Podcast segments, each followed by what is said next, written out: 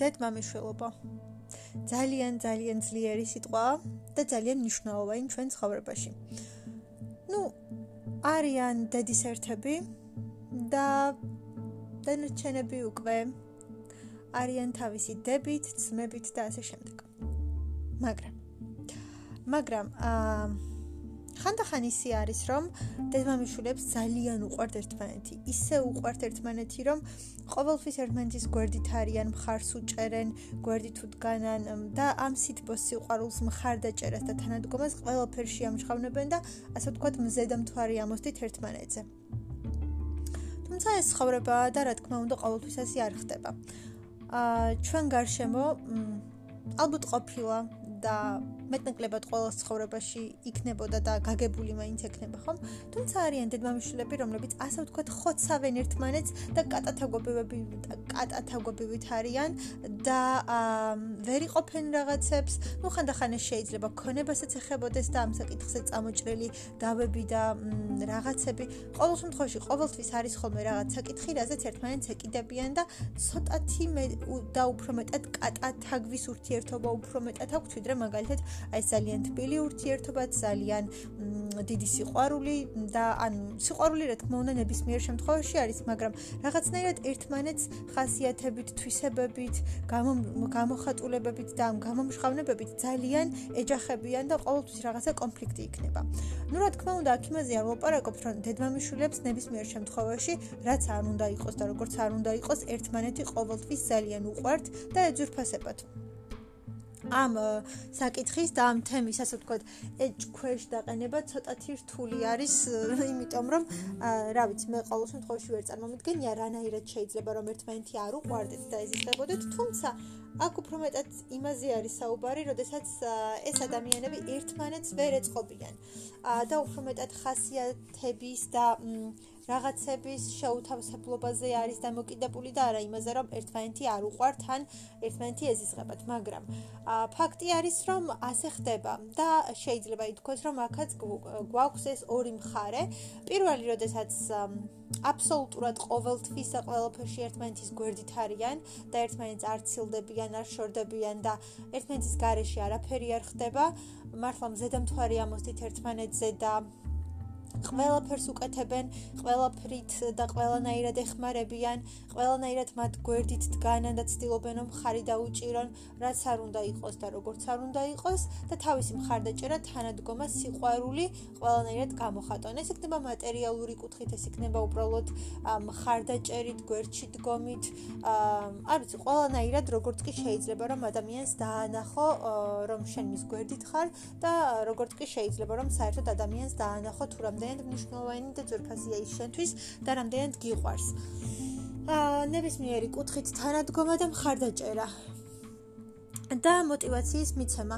ყოველთვის, როდესაც აგრძნობინებ იმას, რომ შენის ძალიან გიყვარს და სიყვარულთან ერთად აფასებ მას, გჯერა მისი, გჯერა მისი შესაძლებლობების, გჯერა მისი წარმატების, გჯერა მისი წინსვლის, გჯერა იმის, რასაც აკეთებს და დარწმუნებულიც კი ხარ, რომ ეს ყველაფერი გამოუვა და საერთოდ ყველაფერს შეძლებს.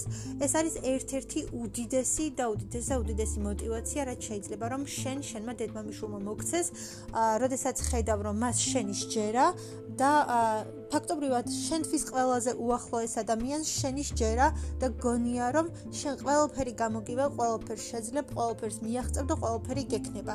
და ეს რწმენა ხანდახან იმდენად ძლიერი არის, რომ შენ შეიძლება მთებიც კი გადადგა და მართლა ყველაფერი შეძლო, შეგიძლია თუ არ შეგიძლია.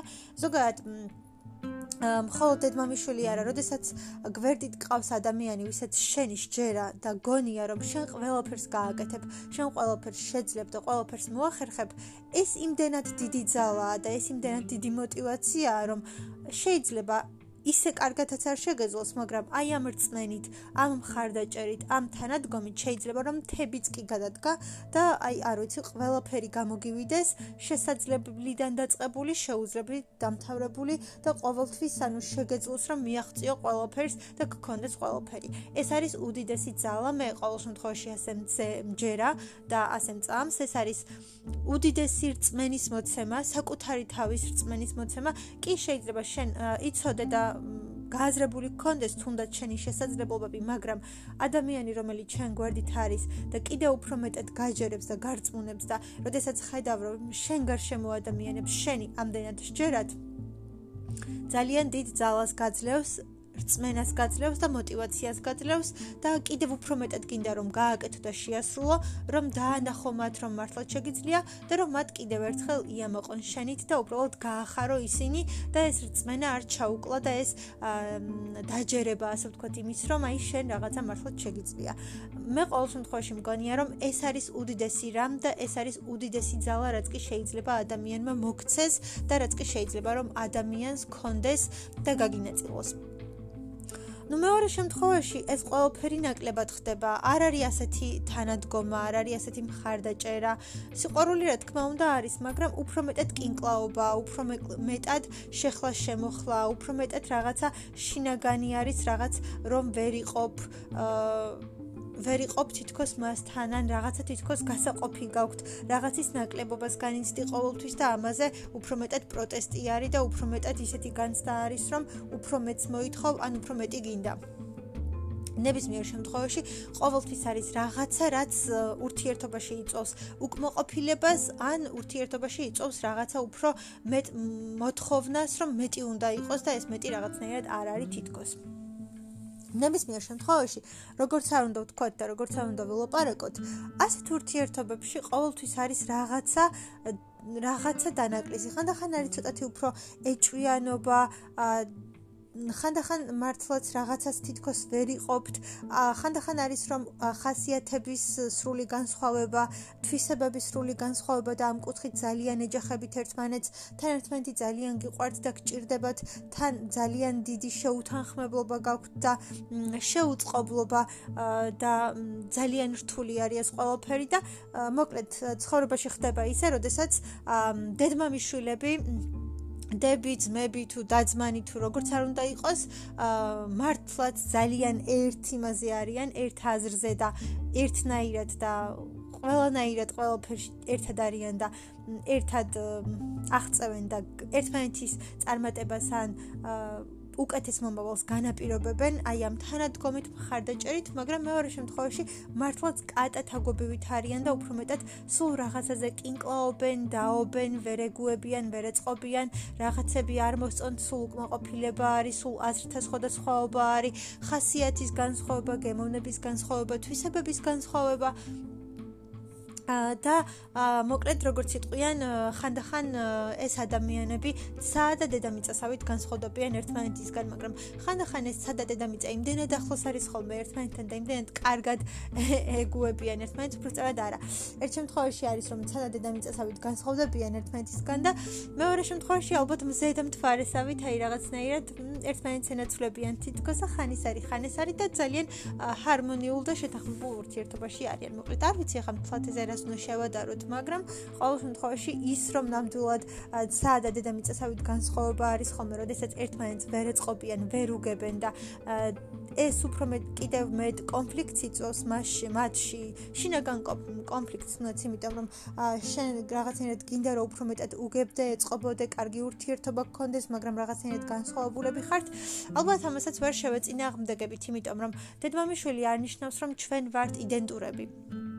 ალბათ პირველ რიგში ის უნდა გავიაზროთ, რომ ყველა ადამიანი არის ინდივიდი, ყველა ადამიანი არის უნიკალური და განუმეორებელი, ყველა ადამიანი არის ინდივიდუალური და ის ადამიანი უნდა მივიღოთ და შევიყვაროთ ისე და ისეთი, როგორიც ის არის და უნდა დავაფასოთ ის თავისი თვისებებით, ხასიათით, გამოხატულებებით, თავისი ყველანაირი თვისებით და, რა ვიცი, ნიშან თვისებით და უბრალოდ ეს მიუღებლობა, ასე ვთქვათ, მიუღებლობა არ უნდა გქონდეს. რაც უფრო მეტი მეტი იქნება მიუღებლობა, მით უფრო მეტი იქნება დავაც კონფლიქტიც და კინკლაობაც და შეხლა შემოხლაც და უკმაყოფილებებიც და პატარა პატარა კონფლიქტებიც, რა თქმა უნდა. აქედან გამომდინარე, ალბათ უნდა გავიაზროთ ის, რომ ეს ყველაფერი არ ნიშნავს აბსოლუტურ ერთიანობას ან იდენტობას იმ კუთხით, რომ ჩვენ აბსოლუტურად ერთნაირები ვართ და ერთნი ვართ. იმიტომ რომ ბოლომდე ესე ერთნი არ ვართ. ჩვენ აა ჩვენ პიროვნებები ვართ, ჩვენ ინდივიდები ვართ და ჩვენ გვაქვს განსხვავებული თვისებები და ხასიათი, მაგრამ ამ განსხვავებულობის გამო ერთმანეთი არ უნდა დავხოცოთ და დავჭამოთ, პირიქით უნდა ვეცადოთ რომ გავუგოთ, მივიღოთ და შევიყვაროთ, დავაფასოთ და უფრო მეტად ჰარმონიაში ვიყოთ ერთმანეთთან, ვიდრე მაგალითად ვიყოთ დისჰარმონიაში. აქედან გამომდინარე, მე მგონია რომ უბრალოდ ხანდახან რაღაცები უნდა გადავაფასოთ, გავიაზროთ, გავაანალიზოთ, მივიღოთ და შევეგუოთ და არა ის რომ ერთმანეთი უბრალოდ უბრალოდ დავხოცოთ იმის გამო რომ შენ სხვანაირი ხარ, მე სხვანაირი ვარ, შენ სხვა რაღაცა მოგწონს, მე სხვა რაღაცა მომწონს, შენ სხვა რაღაცა გინდა, მე სხვა რაღაცა მინდა. ეს არ უნდა იყოს უკმაყოფილების მიზეზი, უბრალოდ ის ადამიანი უნდა გიყვარდეს მთლიანად, უნდა გიყვარდეს და იღებდე, აფასებდე და მართლაც მთლიანად შენი უნდა იყოს. ოღონდ ამ სიყვარულით დამყოლოფრით და უბრალოდ უნდა შეგეძლოს მისი გაგება, მიღება და ხანდახან მისი თვალით შეხედო სამყაროს, იმიტომ რომ ამას ვერსად ვერ წავუვალთ, ამას ვერ გავექცევით, ჩვენ ვართ ინდივიდები და ჩვენ ვართ განსხვავებულები. ყველა ადამიანი, ყველა ადამიანი, აბსოლუტურად ყველა ადამიანი არის განსაკუთრებული, გამორჩეული, განსხვავებული და ის არის ცალკე ადამიანი, ცალკე პიროვნება, თავისი ხასიათით, თავისი თვისებებით, თავისი გამოხატულებებით და ყველაფრით. აქედან გამომდინარე, არ შეიძლება რომ ასე განვიხილავდეთ და ვამბობდეთ, რომ მაინც და მაინც ისეთი უნდა იყოს, როგორიც მე მინდა რომ იყოს, ჩემნაირი უნდა იყოს, ჩემი ხასიათი უნდა გქონდეს, ჩემი თვისებები უნდა გქონდეს, ყველაფერში უნდა ვეთანხმებოდეთ ერთმანეთს, იმიტომ რომ ასე არ ხდება და თუ ასე არ ხდება და ყველაფერში ერთნაირად ვერ ვფიქრობთ, ეს კონფლიქტი არ უნდა იწოვდეს. აქედან გამომდინარე, ხანდახან რაღაცებზე უნდა დავფიქრდეთ, უნდა მივიღოთ, უნდა შევეჩვიოთ, უნდა შევეწყოთ და უბრალოდ ვეცადოთ რომ რაც შეიძლება მეტი კარგი შევქმნათ ვიდრე უფრო მეტად ცუდი.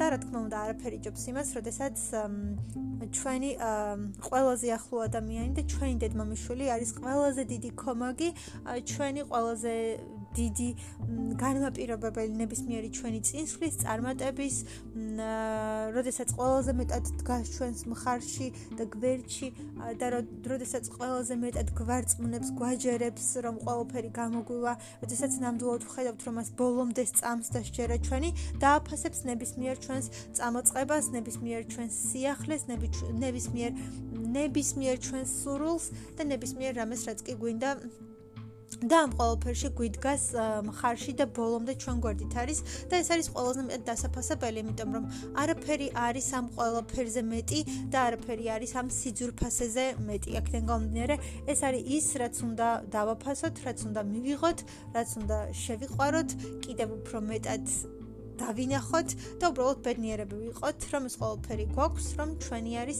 და ვეცადოთ რომ უკეთესი და უკეთესი გავხადოთ ის ყოველ ჯერზე. thank you